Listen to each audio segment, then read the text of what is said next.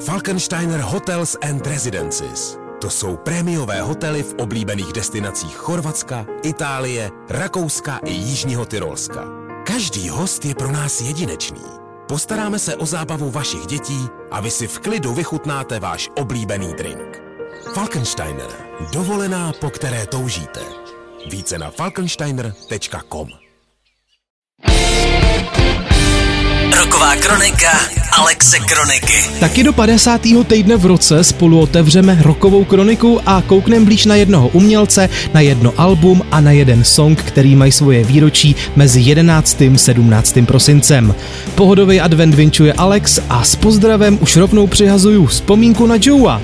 Tím myslím ikonickou skladbu Jimmyho Hendrixe Hey Joe, ta vyšla 16. prosince roku 1966. Určitě to ale není jenom Jimmyho dílo. Původní song o Joeovi, který před zákonem zdrhá do Mexika, protože zastřelil svoji ženskou, patří k americkému folkloru. Táhne se hluboko do historie a nikdo přesně neví, kdo tenhle song původně napsal.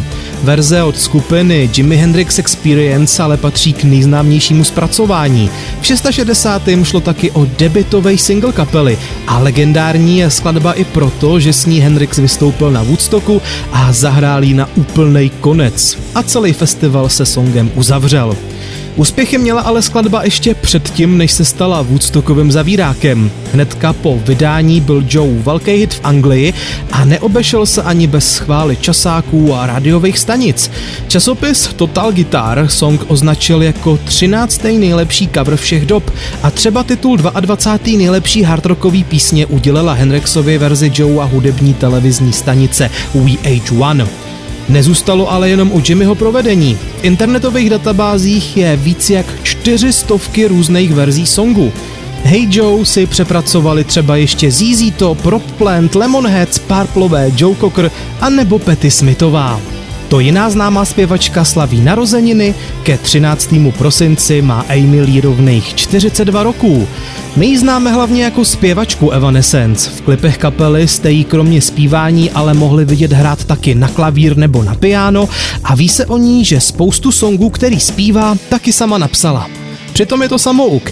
Nikdy třeba nenavštěvovala žádný hodiny zpěvu nebo tak a muzika byl pro ní i způsob, jak se vypořádat s rodinnýma smutkama. Za různých okolností jí totiž umřeli hned dva sourozenci a právě v jejich jménu vznikaly písně jako Hello z placky Fallen nebo Like You z Alba Open Door.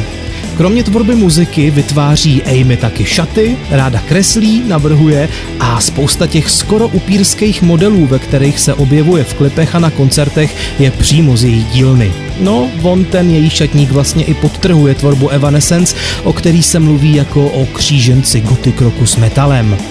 Magazín Revolver poctil Amy Lee cenou nejlepší zpěvačky, zatímco televizní pořad Loudwire Music Awards zašel ještě dál a Amy rovnou označil jako rokovou bohyni.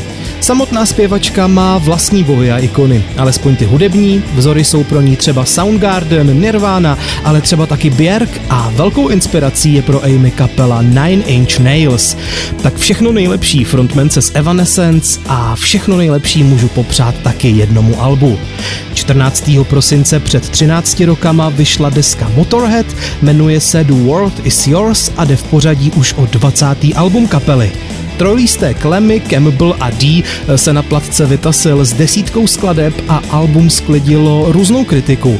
Pro jedny deska nepředstavuje vůbec žádný posun od posledního dva roky starého alba Motorizer, World is Yours zkrátka průměr z průměru, co nenatchne a rozhodně nepřekvapí. Hezčí pohled na věc je potom takovej, že ani na 20. albu Motorhead neměknou a umějí se do toho opřít. Placka se totiž drží tý správný jízdy v Lemmyho stylu, než aby z ní byly slyšet třeba balady nebo akustická muzika. Spíš to má ten správný říz, jaký Motorhead umí. Album je taky spojovaný se jménama dvou dalších muzikantů, jednak s Davem Grohlem, Motorhead totiž placku nahráli v jeho studiu. Zároveň je deska taky věnovaná, kapela ji vydala ve jménu památky Ronnieho Jamesa Dia, který umřel na rakovinu jenom sedm měsíců před vydáním The World Is Yours. A tímhle končíme pro dnešek. Kroniku rokových dějin zaklapává Alex Kronika, znova ji pro vás otevřu zase příští týden, no a už se těším. Ahoj! Rock Radio.